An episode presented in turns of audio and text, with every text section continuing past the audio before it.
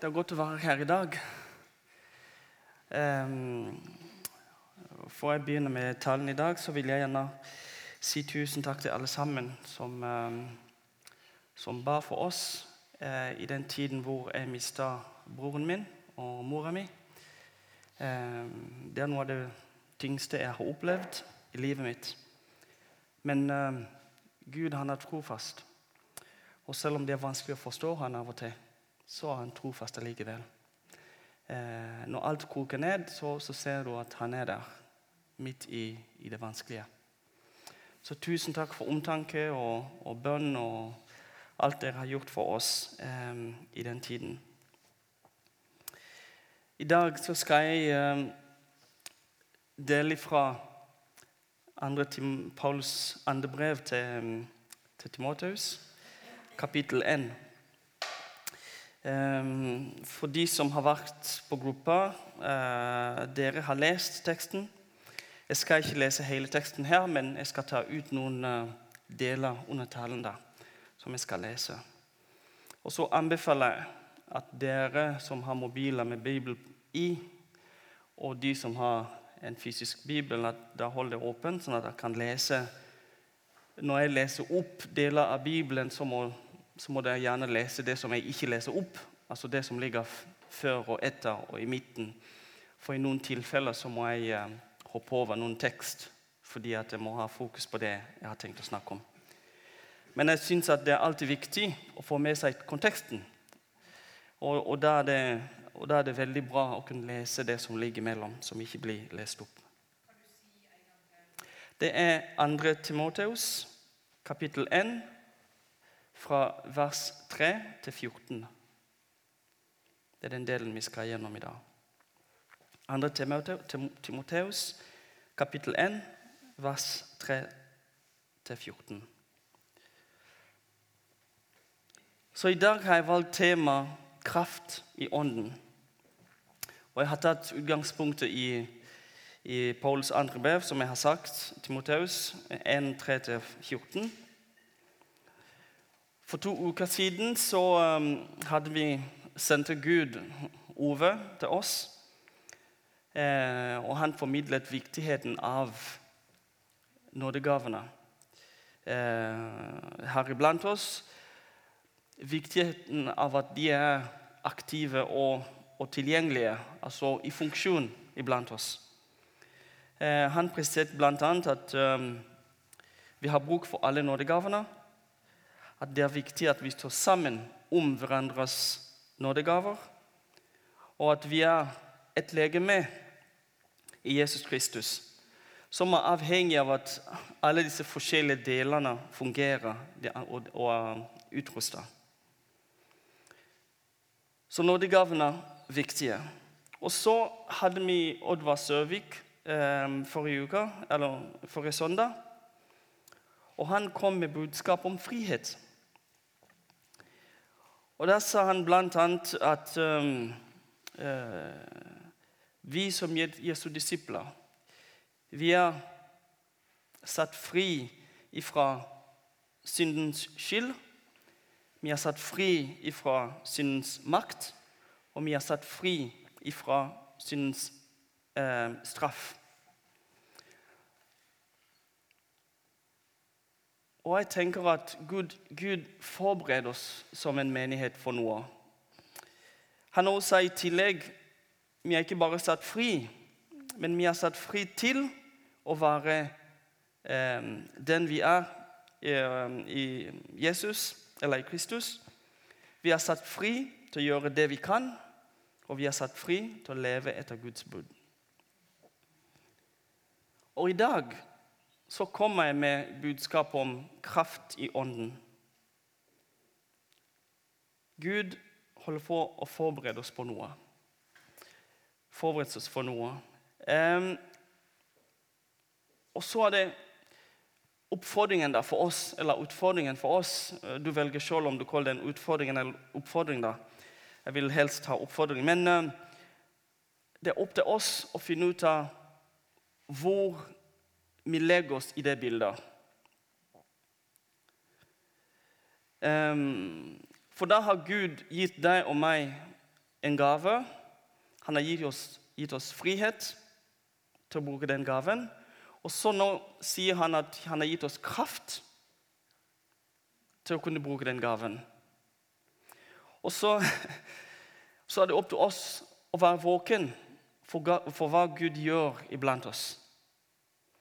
Å være våken for den rollen som vi har framover. I det kallet som Gud har gitt hver enkelt av oss. Vi må være våken for hvilke konkrete handlinger vi må prioritere framover. For egentlig så er det faktisk uh, mulig, det er fullt mulig, um, at Gud kan komme hit og gjøre noe iblant oss, og så går vi glipp av det mens vi er til stede. Um, og Det har vi sett mange eksempler av i Bibelen, men også for noen av oss så har vi opplevd det i, i det livet vi lever. Altså Fariseerne og de skriftlærde i Jesu tid de fikk Jesus midt iblant dem. De fikk til og med eh, diskutere Guds ord med ham. De fikk til og med se mirakler han, han gjorde. Allikevel så kom Jesus og gikk forbi uten at de egentlig fikk tak i han. I dagens tekst, Timoteus, 2. Timoteus 1, 5-6, så skriver Paulus til Timoteus at 'Jeg husker din oppriktige tro. Derfor vil jeg minne deg om dette.' La Guds nådegave, nådegave i deg flamme opp på nytt.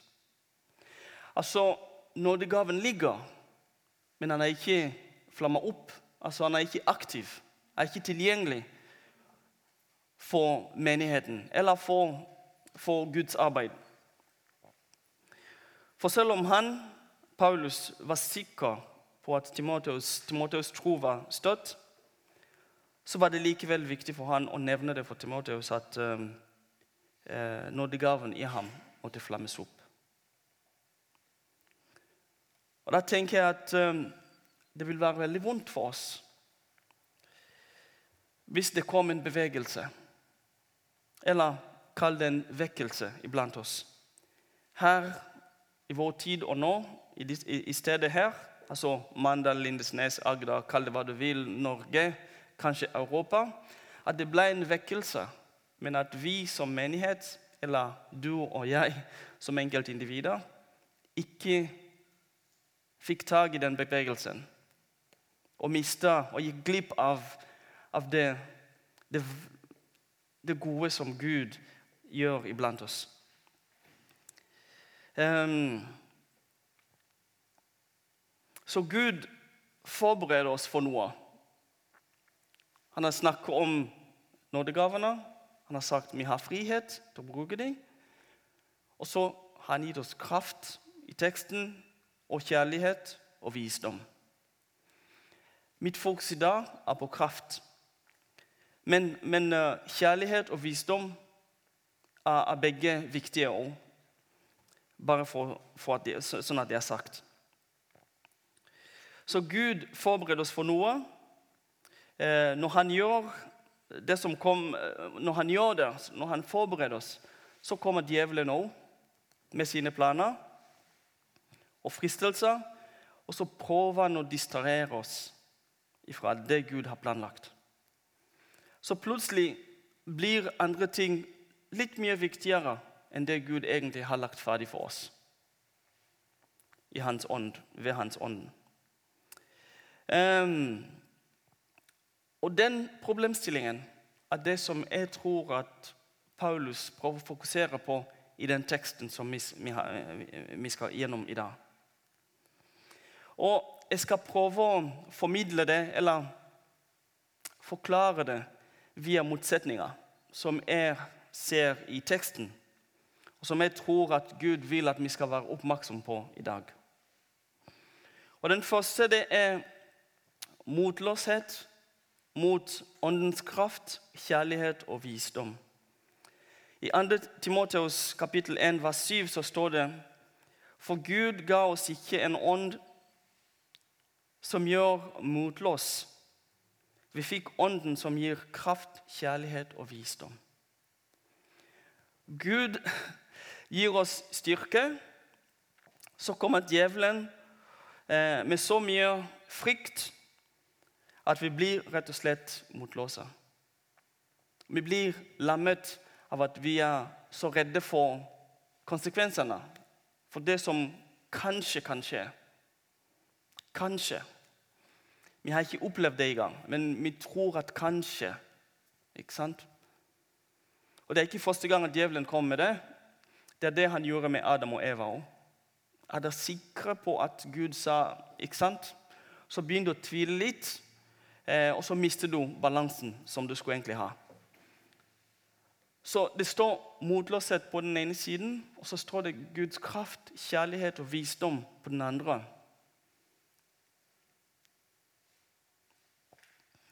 For det andre så, så har vi skam og vitnesbyrd. 2. Timoteus 1,8, eh, første delen av eh, vers 8, skriver Paulus at Skam deg ikke over vitnesbyrder om våre Herre, og heller ikke over meg, som er fange for Hans skyld. Gud stiller opp med, noe, med noen gode opplevelser. Ikke sant? Paulus har vært ut og delt evangeliet. Timoteus sjøl har vært ut og delt evangeliet. Jesus har vært og vist at det er mulig, og at det, er, det fins kraft i Guds ord. Allikevel så dukker djevelen opp og går inn i tankene på folk og får dem til å tolke disse opplevelsene som vi har, negativt. Og resultatet er at um, uh, vi blir sittende igjen med en sånn skamfølelse som egentlig vi ikke trenger å sitte igjen med. Så vi forteller vårt vitnesbyrd, og noen tolker det negativt sånn at vi sitter igjen i en klemt situasjon.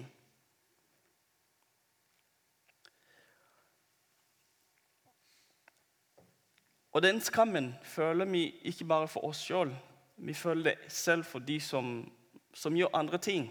Altså, I dette tilfellet sier Paulus det er skyld over ham som sitter i fengsel fordi at han har delt Guds ord. Det er ingen god grunn til at Timoteus skal føle den type skam. For det er ikke han som har gjort noen ting. Det er ikke han som har gjort noen ting. Om noen har gjort noe, det er Paulus. Men likevel så sniker de inn en tanke om at vi kristne, eller vi predikanter, eller vi Jeg vet ikke hva.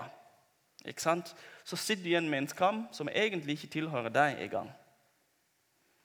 Men skam mot vitnesbyrd blir tydelig i teksten som Paulus gir oss. Og så er det dette med lidelse mot evangeliet. Vers 8b så skriver Paulus 8b, skriver Paulus Men bær lidelsene for evangeliet, du også, i den kraft Gud gir. Bær lidelsene, bær lidelsene for evangeliet, du også i den kraft Gud gir. I dag så er det utallige mange av oss kristne som ikke tør å dele evangeliet i frykt for å lide av det. Og selv, og selv når, når, ikke vi selv som skal det, det, Selv når det ikke er vi som skal lide, så bekymrer vi oss allikevel. For vi er redde for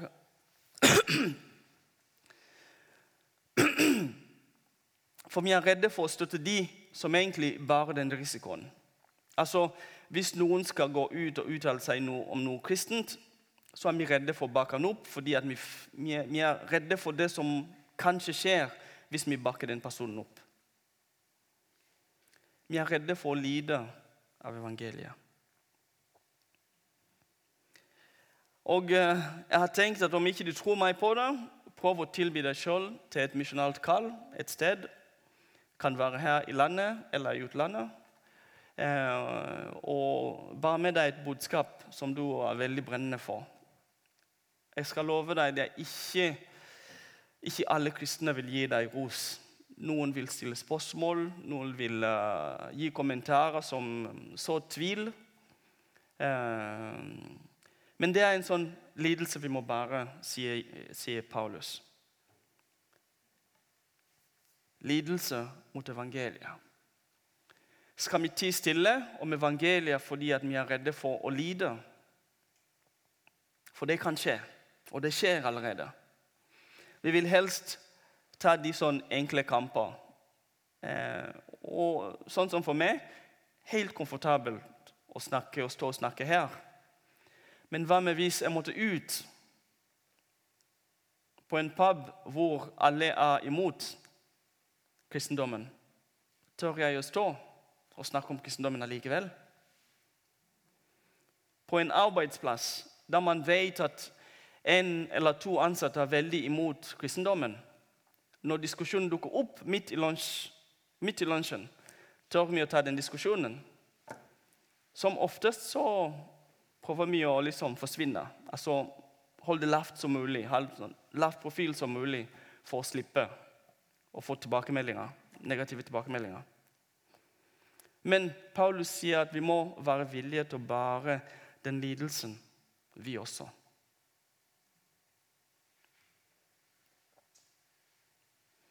Og så har du våre gjerninger mot Guds vilje og Guds nåde. Vers 9 så står det Han har frelst oss, som uh, Tone leste. Han har frelst oss, frelst oss og kalt oss med et hellig kall. Ikke pga. våre gjerninger, men etter sin egen vilje og nåde, som har gitt oss i Kristus Jesus fra evighet av. Gud kaller oss til et liv i hans vilje og nåde. Det skal være et liv der man ikke trenger å stresse om morgendagen. Et liv der Gud peker retningen, og vi bare følger. Et liv der Jesus og Ånden går foran for å bane veien, og vi får lov til å oppleve at alt er lagt ferdig for oss. Men så kommer djevelen med dette behovet, sterkt behov for å ha kontroll over alt. Og Det fører til at uh, vi velger et liv der våre gjerninger er ledende. Altså Vi må planlegge, så vi vet at vi har dekket alt. Ikke sant? Og så må vi gjøre det vi har planlagt, akkurat slik vi har planlagt. Du skal ikke komme og si at nå må vi endre planene. Nei, det var planlagt at vi skulle ha fem minutter med lovsang, og det er fem minutter med lovsang. Istedenfor å si at ok, Gud vil at vi skal gjøre sånn og sånn, så gjør vi planer for det. Altså hvordan vi skal gjennomføre det Gud har ledet oss til, eller det han leder oss til. Og Jeg skjønner at det er vanskelig å liksom forklare Jeg prøvde å tenke litt i, i hvordan jeg skulle forklare det uten at uh, det kom ut feil. Men jeg håper at dere forstår hva jeg mener. Det er ikke at Jeg prøver å si at det er ikke nødvendig med planlegginga. Planlegginga er viktig, men det er viktigere å vite først at Gud vil at vi skal planlegge den veien før vi begynner å planlegge.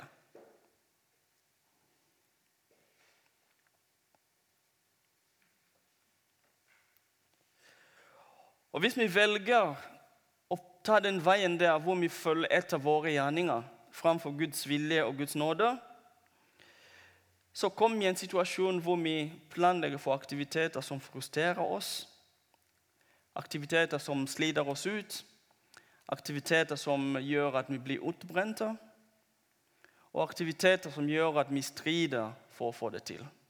Det blir en kamp for å få det til. Og det er ikke ønskelig. Det er ikke Guds planer. Han har frelst oss og kalt oss med et hellig kall. Ikke pga. våre gjerninger, men etter sin egen vilje og nåde, som har gitt oss i Kristus Jesus fra evighet av. Våre gjerninger mot Guds vilje og nåde. Og så har vi døden mot liv og udødelighet.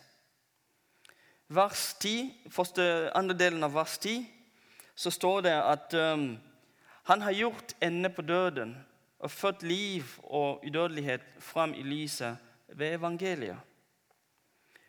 Gud har lovt oss eh, evig liv ved Jesu død på korset. Derfor skal vi ikke frykte for den fysiske døden. Eh, for dersom vi havner i den fysiske døden, åpnes det egentlig en ny bedre et nytt og bedre liv med Gud. Og det er det evige livet vi alle drømmer om.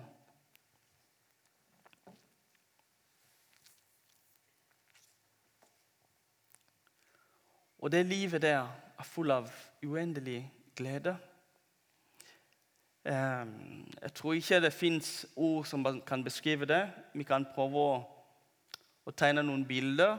Vi kan prøve å bruke eh, vår imaginative evne til å liksom beskrive det, tegne noe. Men uh, vi kommer aldri til å komme i nærheten av å forstå hvor godt det livet kommer til å bli. Likevel så er det fortsatt mange av oss kristne som er redde for å dø. Den frykten gjør noe med måten vi tar valg på, måten vi prioriterer på, og måten vi opplever og tolker Gud i våre liv. Det gjør noe med måten vi opplever og tolker livssituasjonen vi havner i, eller kommer til å, havne i. sagt annerledes da, på en annen måte, så setter djevelen opp konsekvenser for oss som gjør at valget om å følge Jesus blir kostbart for oss, og dermed vanskelig å oppnå. Når vi har alle disse motsetningene som vi møter hver dag, eh, motløshet mot Guds kraft, kjærlighet og visdom, eh, skam mot de vitnesbyrdene som vi har, som egentlig skal styrke oss. Lidelse mot evangeliet, våre gjerninger mot Guds vilje og nåde. Og døden mot det evige liv.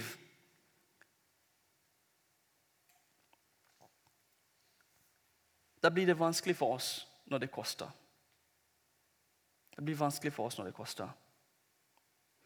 Og Da er det ikke rart egentlig at mange strever i, deres uh, kristenliv uh, med å få det gode ut av det.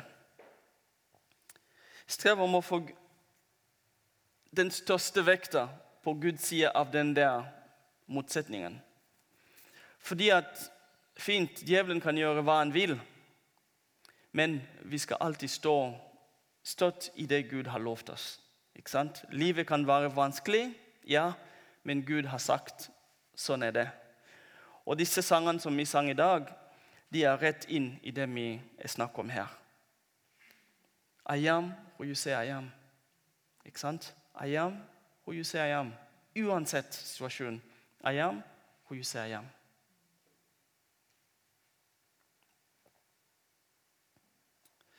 Vi bar med oss såpass mye frykt og skam at Guds kraft, kjærlighet og visdom, Guds nåde, Guds vilje, de vitnesbyrdene som vi har, evangeliet som vi bar med oss, som er egentlig veldig viktig og levende, og det evige liv blir overskygget av det, dette med frykt, eh, av den, av den frykten og skammen som vi bar med oss. Og husk at Jesus har egentlig allerede betalt og tatt vekk alt vår skyld. Ikke sant? Han har tatt vekk skammen, han har tatt vekk skylda, han har tatt vekk straffen. Han har tatt alt for oss. Vi skal ikke gå rundt og bære med oss disse to tingene her. Men allikevel så prøver djevelen å henge dem på. Vi skal ikke gå rundt med dem. Så til slutt, til slutt står vi med fare for å miste det essensielle i vår tro. Som vi leste tidligere, Timoteus 1,6, 2. Timoteus 1,6, ehm, så skrev Paulus til, til Timoteus og sa La Guds nådegave i deg flamme opp på nytt. Vi har en mulighet fortsatt til å flamme opp det som Gud har lagt inn i oss. Og hvis vi klarer å få det opp og flamme igjen, da klarer vi å flytte balansen. Da klarer vi å sette fra oss frykten og skammen. Da klarer vi å leve et bedre liv.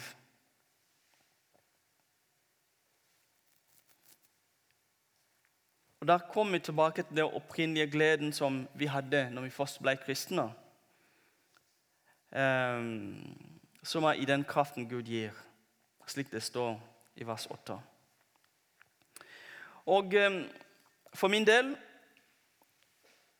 så er det veldig irriterende, egentlig. Jeg har, jeg har delt det med gruppa mi. Vekstgruppa mi. Det irriterer meg når jeg ikke opplever kraft i min bønn, når jeg ikke opplever kraft i uh, min tilbedelse til Gud, når jeg ikke opplever kraft i håndteringen av Guds ord i mitt liv, om det er lesning av ordet eller lytting eller praktisering av formidling, sånn som jeg gjør nå Hvis jeg ikke opplever kraft i det, så irriterer det meg veldig. Og Jeg skal ikke nevne spesifikke eksempler. Men jeg har sagt til gruppa mi at det er irriterende at folk kan være syke iblant oss, og vi ikke klarer å liksom bare legge hendene på dem, og de blir friske. Det irriterer meg.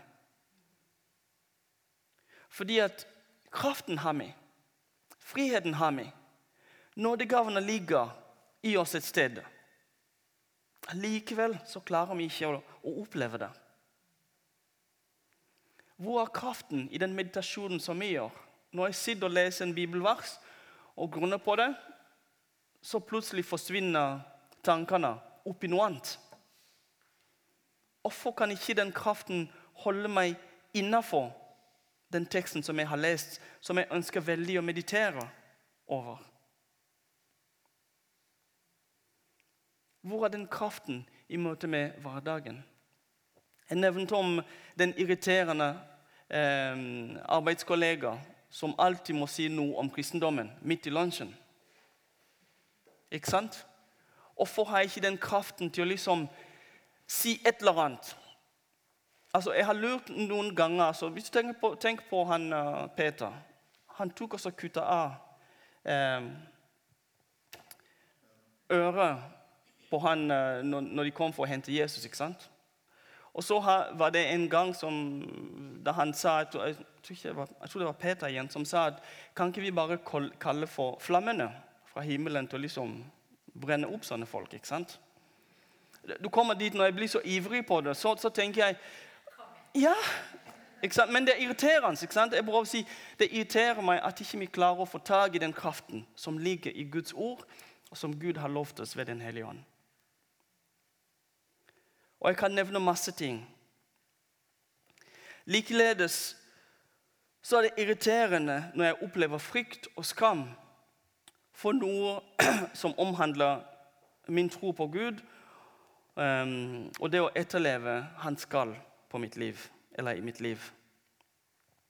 Hvorfor kan ikke jeg, hvorfor må jeg drive og bære med meg skam over del evangeliet? Eller frykt for å lide av evangeliet? Hvorfor må jeg det? Jeg trenger ikke det. Likevel så sniker det seg inn, sånn som Tone sa. ikke sant? Du er ikke god nok. Nei, kanskje.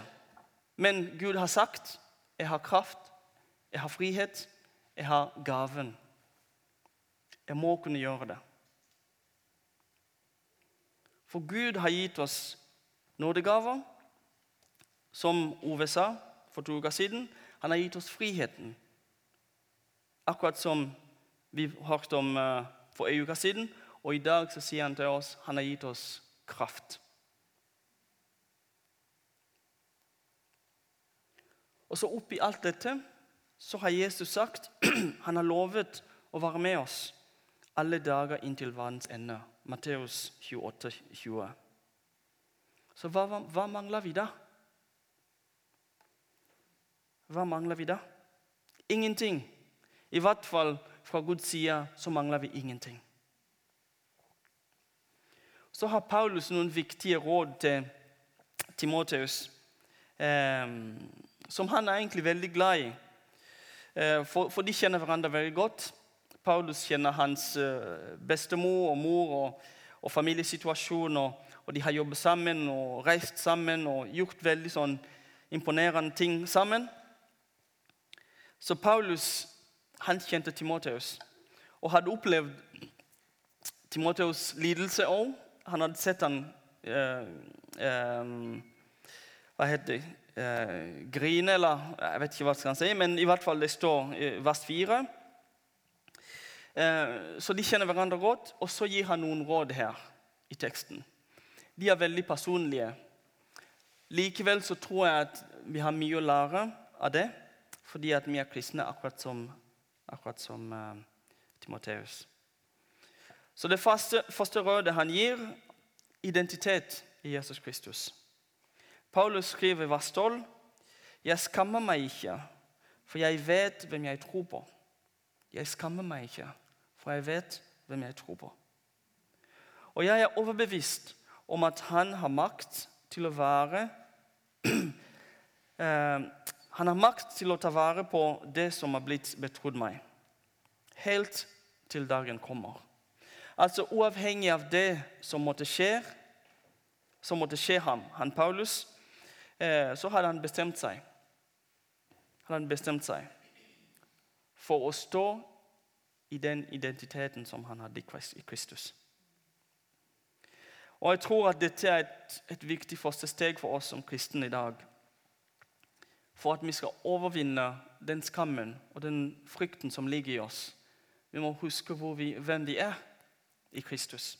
Den identiteten som vi har i Han, den er viktig. Vår identitet som etterfølgere av Jesus må få lov til å overskygge de tankene som sniker seg inn i oss. Som prøver å si vi er, som prøver å vise hvor mislykka vi, vi, er og har vært, og hvor udugelige vi er.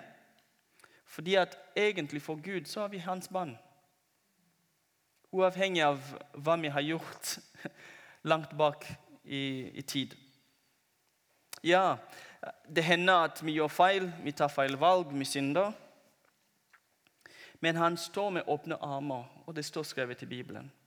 Han står med åpne armer og venter på at vi skal vende tilbake til han. Vende hjem tilbake til han. Og dersom vi bekjenner våre synder, han er villig og klar til å tilgi oss og ta oss imot igjen.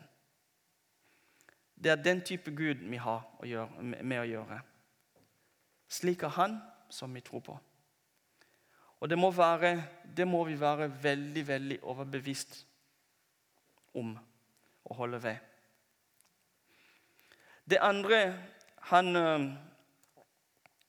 formidler til, til Timoteus, det er Guds ord i tro og kjærlighet. I vers 13 så står det um, Ha de sunne ord du har hørt av meg som forbilder i tro og kjærlighet i Kristus Jesus. Det ligger en enorm kraft i Guds ord dersom vi benytter det i tro.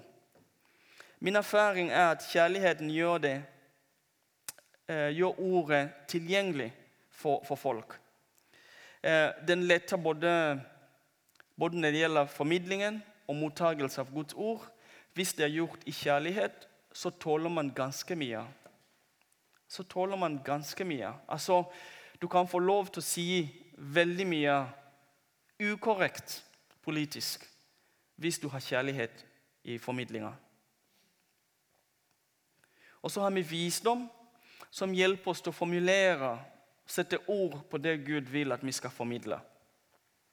Så skal vi lykkes med å bringe evangeliet videre, må vi selv ha tro, sterk tro på det, på Guds ord og, og, og den kraften som ligger i det. Så må vi også ha enorm kjærlighet for de vi skal formidle evangeliet til. Jeg liker å tenke at um, hvis ikke du elsker de folkene som Gud sender deg til, så prøv å gjøre, å gjøre um, akkurat som han um, uh, Han som gikk inn i fisken. Jonah. Ja. Prøv å gjøre som Jonah. Gi Gud litt tid til å bearbeide deg litt før du kommer dit. Men kjærlighet, poenget er at kjærlighet er viktig når vi skal formidle Guds ord. Og så er det den tredje og siste som jeg tror er veldig viktig. Nesten eh, det viktigste. Det er feil å si det, men jeg vil bare si det. Eh, det er å ta vare på skatten. I vers 14 så står det at ta vare på den vakre skatten som er betrodd deg, ved Den hellige ånd som bor i oss. Ta vare på den vakre skatten som er betrodd oss, eller betrodd deg, ved Den hellige ånd som bor i deg. Vi har fått kraft og kjærlighet og visdom. La oss benytte disse til å flamme opp de nådegavene som ligger i oss. La oss benytte friheten Gud har gitt oss, til å sette nådegavene i funksjon i våre liv. Vi trenger ikke å vente på tillatelse fra pastoren eller naboen eller andre medkristne. Fordi at det er du som besitter den skatten, og ikke andre. Det er du som forstår det, den.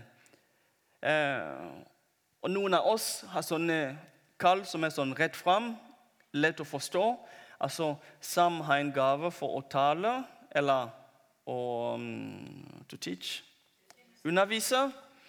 Og det er en sånn firkanta kall som er enkel å forstå. Ikke sant? Og så fins det kall som er vanskelig å forstå. Hvorfor skal noen bli kalt til å, å lage kaffe? Ikke sant? Er det et kall i gang? Ja, det er et kall, vi vet det. Men det er vanskelig å forklare til andre at mitt kall egentlig er å lage kaffe eller sitte ved kaffebordet og snakke med folk. Ikke sant? Det er et kall som ikke er synlig. Og det er ikke definert i Bibelen. Du leser ikke et sted hvor det, sted, det står om kaffelaging. Eller, eller de som står med døra og får oss inn i stemninga for gudstjenester. Ikke sant? Veldig viktig kall. Hvis du tar de vekk, et eller annet endrer seg med atmosfæren i gudstjeneste. Prøv det en gang. Prøv det en gang. At du kommer hit, og det er ingen der som sier 'velkommen til gudstjeneste'.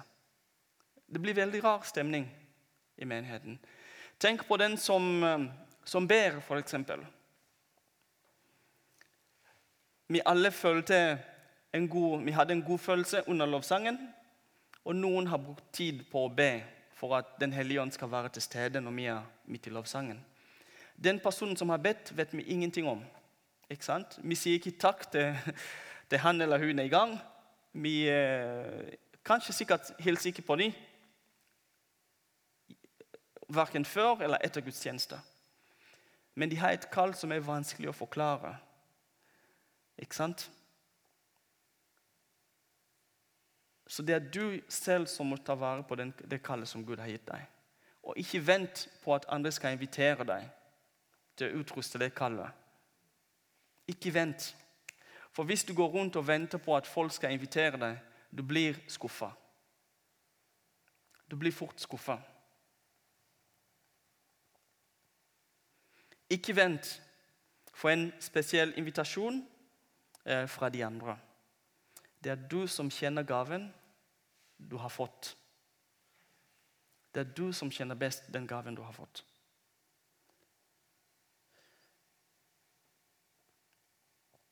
Så håper jeg at um, i løpet av de minuttene jeg har snakka, at Gud har, har rukket å få snakke med deg som enkeltindivider. Og opplyst noe i livet ditt og gitt deg mot til å stå um, og utfordre deg litt på de tingene som ligger i livet ditt, um, og det, på det kallet som Gud har gitt deg. Og Så ber jeg må Gud hjelpe oss, både som menighet og som enkeltindivider eller kristne, til å både finne, men også å bruke den kraften som Gud har lagt i oss ved Den hellige ånd. Må vi klare å finne den kraften og bruke den som den skal brukes. La oss be.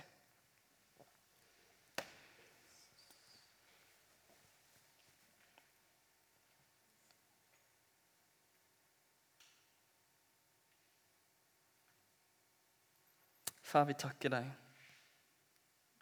for at du har elsket oss, og at du fortsatt elsker oss, selv om vi ikke gjør det tilbake til deg. Selv om vi ikke forstår at du er der. Så takker jeg deg for den kraften du har gitt oss ved Den hellige ånd, som bor i oss. Og Jeg ber om at du uh, hjelper oss til å finne kraften. Hjelp oss til å finne kjærligheten. Hjelp oss til å finne visdommen. Og hjelp oss til å gjøre de så sentrale i våre liv at frykten og skam blir overskygga og dreven vekk fra livene våre.